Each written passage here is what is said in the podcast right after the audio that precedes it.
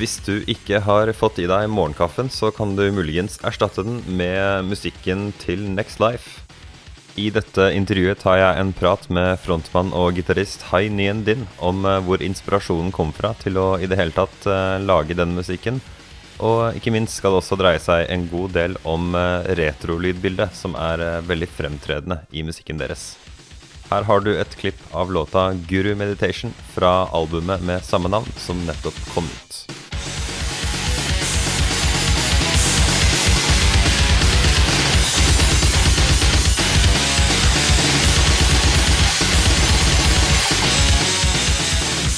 Da har jeg gleden av å ønske Hai fra bandet eller gruppa Next Life hjertelig velkommen på podkasten. Tusen takk.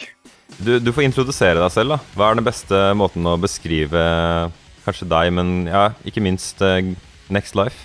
Next Life har holdt på siden 1999. Og før det så har jeg drevet med musikk siden jeg var ca. åtte år. Hvor, hvor, gammel er du? Så, akkurat nå er jeg 39, så blir 40 år. Og så, og så har alltid vært data, eller så var jeg veldig sånn, uh, fascinert over datamaskin siden jeg var ca. fem. Så når jeg starta NextLive så var det på en måte sånn sammensmelting av de kuleste tinga i livet mitt det, det, første jeg tenkte da jeg hørte på dette her, er, er liksom sånn Shit, hvordan uh, skulle jeg forklart det til uh, Forklart liksom til mamma hva appellen med dette er? For hun er Det er ikke det at hun er liksom sånn veldig prippen eller noe, men hun er riktignok i 60-åra. Ja. Så jeg tenkte jeg kunne liksom, i stedet for å tenke på det selv, da, så tenkte jeg kanskje du kunne du kunne fortelle meg hvordan du ville forklart dette til noen i 60-åra? Um, den beste måten å forklare det på til noen som ikke har forhold til 8-bits-teknologi og datamaskiner, og sånn, er kanskje å si at um, det er en form for hard musikk som også er veldig melodiøs. Og den er uten vokal. Uh, instrumental, hard og melodiøs musikk. Ja, det er egentlig en veldig god uh, beskrivelse.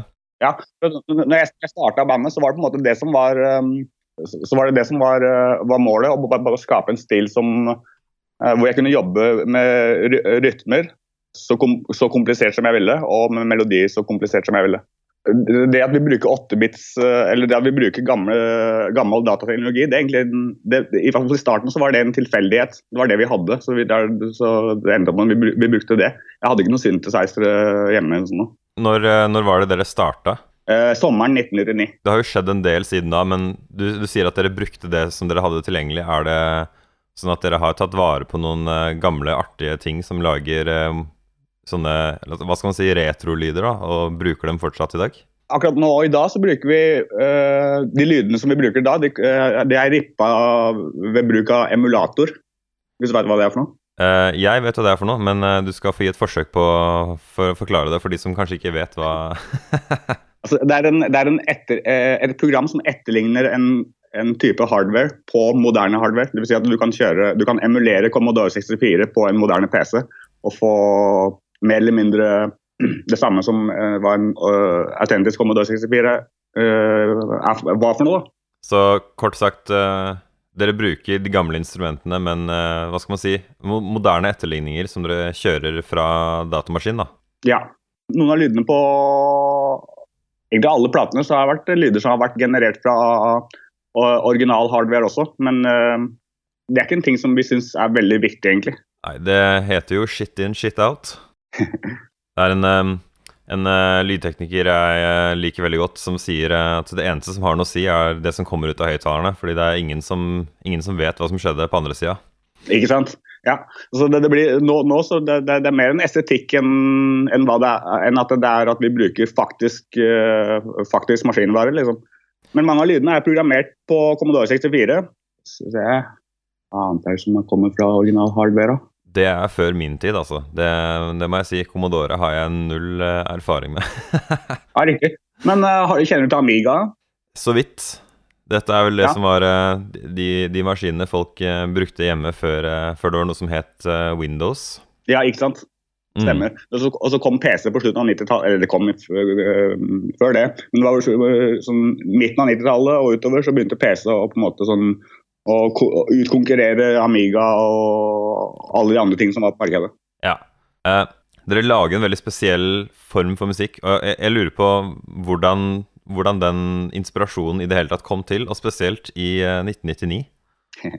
I 1999 da hadde jeg hørt på hardcore siden jeg vet ikke, kanskje, kanskje 90-tallet, eller litt etter 90-tallet. Det var det jeg som virkelig kom inn i hardcore. Så jeg har hørt på hard musikk ganske lenge. Og på slutten av 90-tallet så følte jeg at uh, På begynnelsen av 90-tallet så følte jeg at det var at uh, spesielt hardcore punk var veldig levende og i, i utvikling. Mm. Men på slutten av 90-tallet så fikk jeg følelsen at uh, skal jeg si for noe, ting ble litt mer sjanger stilbasert. Og folk jobba mer i stiler enn hva de gjorde tidligere. Før, før det så var det mer at hver, hvert band var sin egen stil. mens på slutten av 90-tallet så ble sjangerne de, de, forskjellige stilene innen hardcore punk ble mer artikulerte. Så det ble Jeg skal ikke, jeg skal ikke si at jeg har eh, totalt svar på det her, men jeg følte at eh, utviklinga i hardcore punk og metal stoppa litt opp. Ikke nødvendigvis um, at det stoppa helt å utvikle seg, men for meg så uh, mangla det Det mangla et melodielement. ja, ja, ja, absolutt. Jeg kan jo helt klart se hva du mener. Jeg har ikke hørt på så mye fra en litt sånn spesifikk periode som er sånn da jeg på en måte begynte å våkne opp for å sjekke ut musikk. Og det var jo ikke så lett tilgjengelig for meg som da var uh, skal vi se, 99. Da var jeg vel åtte år. Ja, riktig. Men ja, vi, vi må bare backtracke litt grann her. I dag i bandet så har vi deg. og hva, hva, er det du gjør? Spiller du noe instrument selv? står du for programmering, eller? Jeg er liksom altmuligmann i Next Life. Jeg spiller det som trengs. I perioder så har jeg spilt uh, synt og bass, men uh, hovedsakelig har jeg spilt gitar. Og det er det jeg spiller nå. Og ved siden av deg så har vi eh, Anders Hangård. fra, han, spilte, han, kom, han spilte tidligere i et band som heter No Place To Hide, og et band som heter Nidinger. Så han, i visse kretser så er han kjent. Så hva, hvilken rolle har han ved siden av deg? han spiller trommer. Ja, ok. Fordi det var en annen ting jeg lurte på. er jeg er ikke den, Det er litt sånn flaut for en Jeg er lydtekniker, men jeg klarer ikke alltid å høre om det er programmerte trommer eller ikke. Og jeg var ikke helt sikker.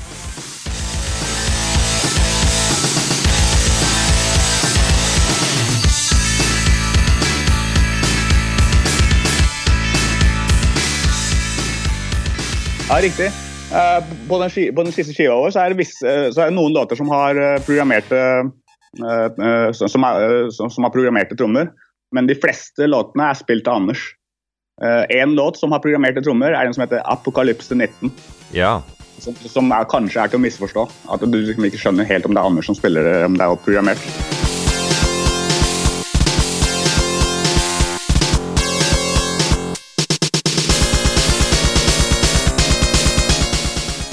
Har et spørsmål om den uh, som jeg hadde tenkt å spare til uh, litt grann, uh, senere.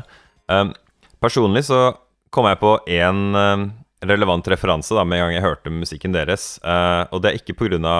hvordan musikken høres ut, men mer hvordan dere blander sjangere. Og det jeg tenker på, er um, tidlig Lincoln Park. Og det er fordi de var veldig sånn eksplisitte med at de ville ikke ha liksom en hiphop-del og så en rockedel. De ville liksom ha mm. alt på en gang. Og jeg føler virkelig at um, dere har 8-bit, altså den super-hyperelektroniske retrodelen, sammen med metallen. Det er på en måte ikke mm. noen del hvor det ene kommer og ikke så mye det andre. I hvert fall ikke så veldig ofte. Ja, det er litt av det som er poenget. At uh, Vi har lyst til å lage mel mel melodiøs musikk uten at det går på bekostning av det jævlig harde som er i hardcore og, og ekstremmetall og, um, og grind osv. Så, så, det, så det, er, det, er, på en måte sånn uh, Det er ikke et poeng for oss å skille de to tinga. Noen ganger så kan det være fint, men som regel så, så er målet å, å blande det å få kvalitetene fra både chiptunes eller synt-musikk og avansert hardcore.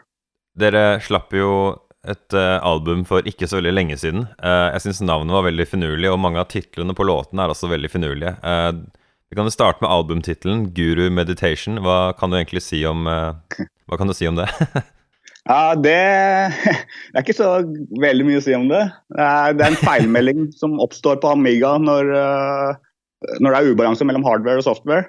Så Det er samme som, eh, som blåskjerm på PC. Det er flere som kjenner til det, kanskje. Det, er sånn at det, det ja, kommer ja. som blå skjerm, og så står masse uh, maskinkode eller det står masse greier på skjermen. Mm. Til og med det har jo blitt sterilisert da, på um, nyere versjoner av Windows. Så det, kommer det et sånt stort lei seg-fjes, og så står det liksom Så har de skrevet et eller annet sånt uh, cutesy for å liksom roe deg litt ned, da. Fordi, ok, nemlig. Det har, ikke, det har ikke jeg fått med meg. uh, men jeg har en representativ låt som du, uh, du føler uh, ja, representerer Guru Meditation? Det er litt vanskelig å plukke én låt fra den skiva der. for det er, det er kanskje den mest sammensatte av de platene vi har gitt ut foreløpig. Men uh, det er to låter som vi valgte å bruke som singel. Den ene er tittelsporet, 'Guru Meditation'. Og den andre er den som heter 'Strength'. Uh, og Grunnen til at vi brukte uh, de to som singler, er at de, de, er ganske forskjellige, men sammen så representerer dem Så gir de litt innblikk i hva som, hva som foregår på plata. Da tenker jeg bare at jeg kjører et klipp av Guru Meditation her.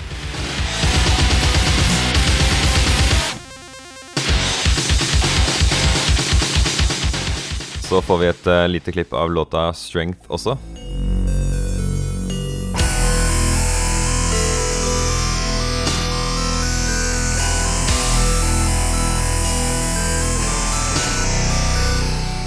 Jeg, jeg vil jo spørre hvordan, hvordan tilnærmer dere, dere låtskrivingen? Har dere visse do's and don'ts? Hva, hva, hva, er det dere på en måte ser for dere når dere ja, går inn i prosessen av å lage noe nytt? For meg så har jeg skjønt uh, i løpet av mine år med Next Life så har jeg skjønt at uh, man burde ikke planlegge når man lager musikk.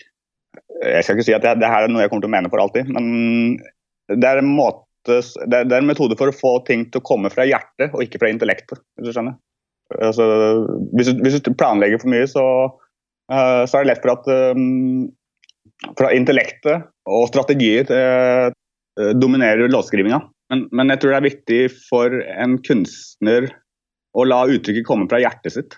Eh, og da har vi med abstrakte følelser å gjøre. Ja. Og, ja, jeg ser Ja, faen, altså, det her er vanskelig.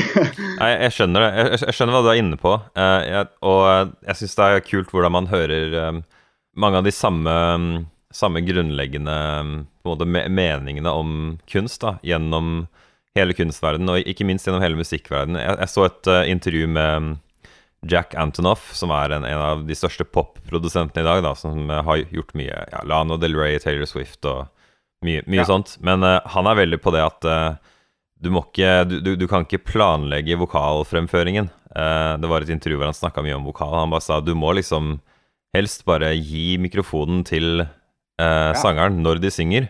Og det mm. de synger der og da, det er det beste du får.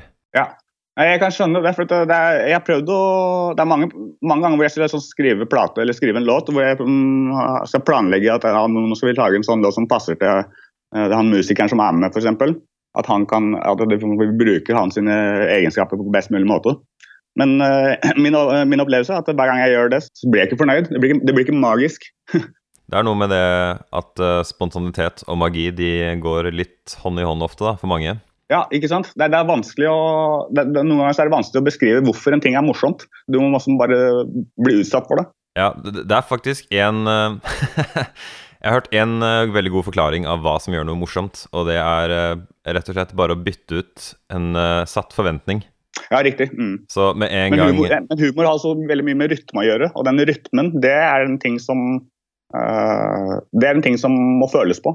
Og det ser du jo standup-komikere. De øver seg jo kjempemye på å få den nøyaktige timingen på punchlinen, ikke sant? Mm, nemlig. Mm. Uh, noen av låtene fra, fra den uh, siste plata deres syns jeg er um, nå, har jeg gått gjennom diskografien deres da, og hørt på hva dere har lagd, men det som stikker seg ut, er at jeg syns dere er litt mer Dere har litt flere rolige låter mm. enn en før. ta for eksempel den som heter Dexterity. Ja.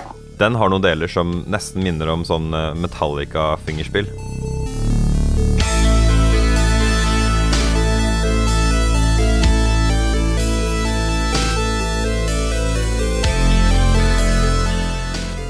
Ja. Nå husker ikke jeg akkurat det riffet i hodet, men jeg tenker jo liksom på sånn Nothing Else Matters eller uh... Ja, altså i den, uh, i den perioden hvor jeg utvikla de balladene der De balladene har vært gjennom mange, mange runder. Det starta egentlig uten trommer og gitar, så, som rent sånn pling-plong-låter.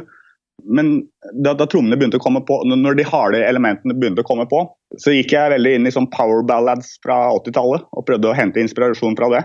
Og Metallica-ballader eh, Metallica er jo liksom power ballads. Ja, absolutt. Jeg føler jo at han eh, godeste vokalist eh, James Hetfield, han har liksom bare én måte han synger på. Spesielt i det tidligere så er det bare full trøkk og maks følelse. Mm, mm. Og da, får du, da blir du jo pressa inn i en viss type sound. Uh, men jeg, Ja. jeg syns det var veldig interessant selv. Uh, du, du bruker ordet ballade. Det var også det jeg tenkte da jeg hørte, hørte på disse låtene. For jeg bare tenkte dette her er rett og slett 8-bit metallballader.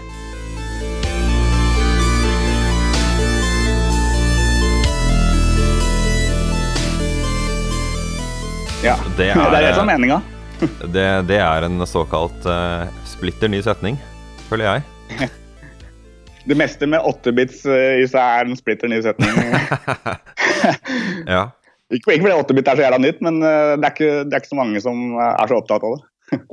Ja, det er, det er liksom det folk liker um, såkalt lofi, da. Altså de liker at det høres på en måte ut som det kanskje er spilt inn på kassett, eller sånne gammelt utstyr, men 8-bit eh, er en eh, voldsom form for eh, kvalitetsreduksjon, da, som jeg, føler folk er litt redde for ennå.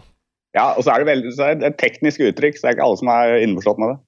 Nei, jeg, jeg kunne faktisk sagt mye om 8-bit, men da blir dette her Ja, det blir fort en helt annen podkast. Um, Mm. jeg, jeg vil også nevne um, den åpenbare retrofølelsen. den kommer man ikke unna. Uh, tar vi f.eks. den som heter Apocalypse 19, uh, så Mm. syns jeg vi hører noe som høres ut som sånn derre japansk elgitar fra sånne gamle slåssespill.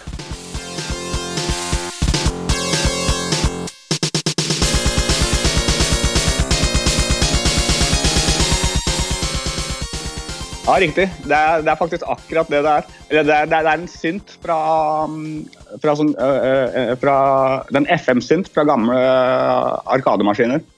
Jaså, ja. Og de hadde en sånn øh, De hadde en liksom sånn kvalitet, eller de kunne ha en sånn kvalitet som ligner litt på gitar.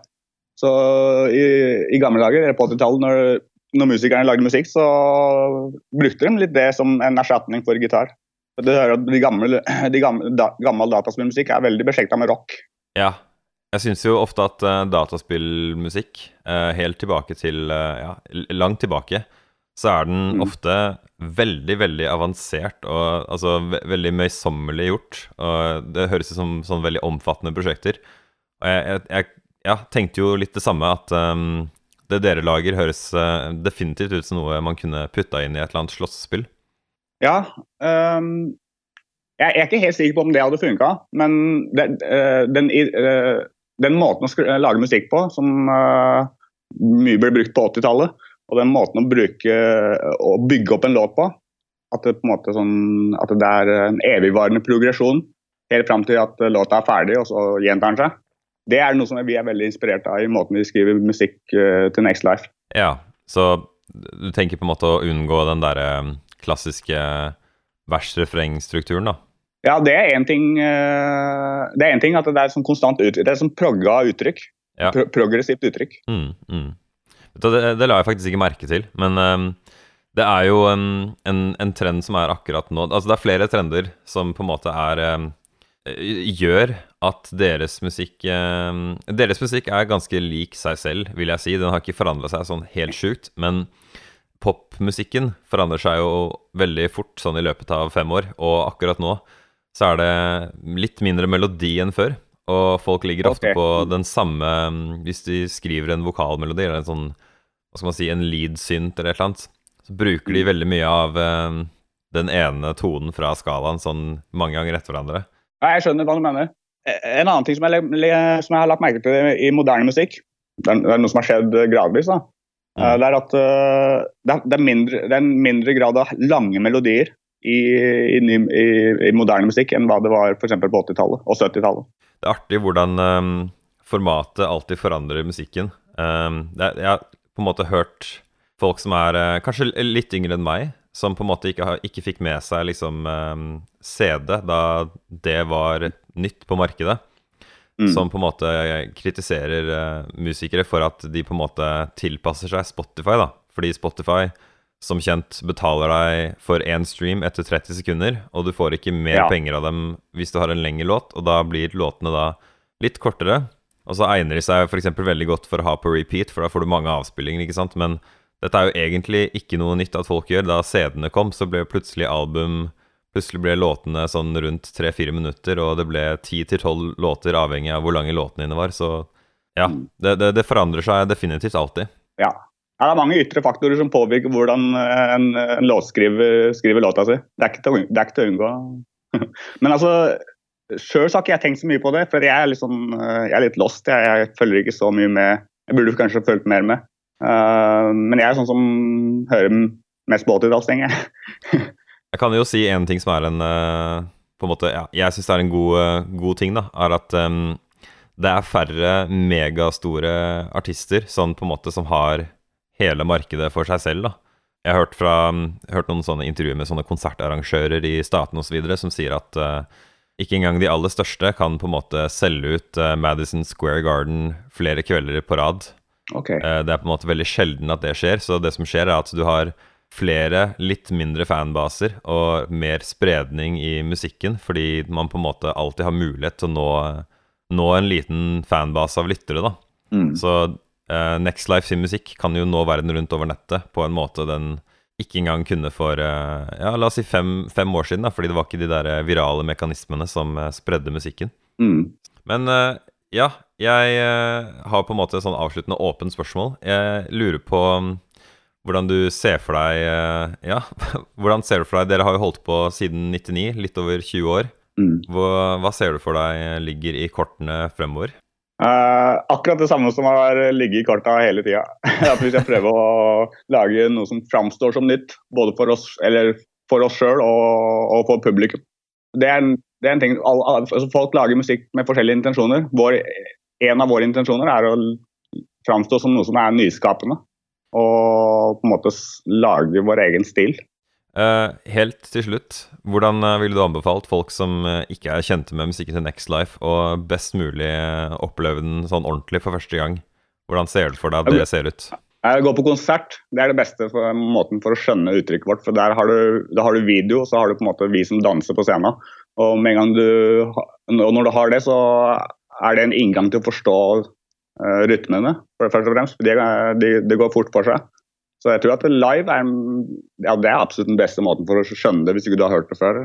Jeg har ofte følt at jeg har fått en mye bedre forståelse av en artist eller en sjanger jeg ikke kan fra før, når jeg ser på videoer av fans som reagerer Ja, riktig. Mm. på, på Ja, for musikken. når man ser folk danser til, til, til noe, og når man ser folk bare oppfører seg til musikk, så sier det, det noe om hvordan de opplever musikken. Nå, driter jeg ut eh, kjæresten min litt her, men eh, jeg, egentlig ikke. Jeg syns det var veldig fint. Hun eh, jeg, jeg bare så at hun fikk liksom sånn litt sånn tårer i øynene en gang hun hørte på en sånn sånn, en sånn klassisk komposisjon, komposisjon. Jeg lurer på om det var Hendels 'Messias'. Riktig. eller noe, noe av Bach. Og jeg bare tenkte liksom Jeg har aldri assosiert sterke følelser med denne musikken, men etter at jeg så det, så har jeg liksom virkelig følt at jeg kan føle noe da, av det også. Så ja, det er definitivt noe til å bare få med seg folk som reagerer på musikk. Ja, absolutt. Det, det er noe som jeg alltid har tenkt på. så jeg, sånn, Det er alltid viktig for meg å, å danse så mye som jeg kan til musikken. For jeg vet at den er ganske vanskelig å forstå. Eller for mange så er det, det, kan, det, er, er fremmed for mange. Så jeg føler at ved å danse Ved å, ved å vise hva jeg har tenkt i, i hver sving, så er det en måte for folk å måte få, få tak på, på noe de liker i musikken. Jeg har ikke tenkt på spesifikt det å danse og hvordan det påvirker eh, meg da når jeg ser det, men det, det, skal, jeg, det skal jeg ta med meg. Kanskje jeg lærer å reagere på Ja, noe på enda en ny dans, måte. Ja, dans er jo en uh, veldig universell uh, kommunikasjonsform. Det er Ja. noe som kan forstås uh, på tvers av språk, f.eks. Mm. Men du, jeg har egentlig ikke flere, flere spørsmål her, men jeg må si tusen hjertelig takk for eh, tida di. Ja, selvfølgelig. Vi gjør denne podkasten hver uke, og du må gjerne abonnere på oss hvis du har lyst til det. Du søker ganske enkelt på Plenty Kultur, PLNTY Kultur, f.eks. på Spotify eller Apple Podcasts, og så finner du oss der. Vi setter også veldig pris på hvis du har lyst til å rate oss dersom det er mulig på din plattform.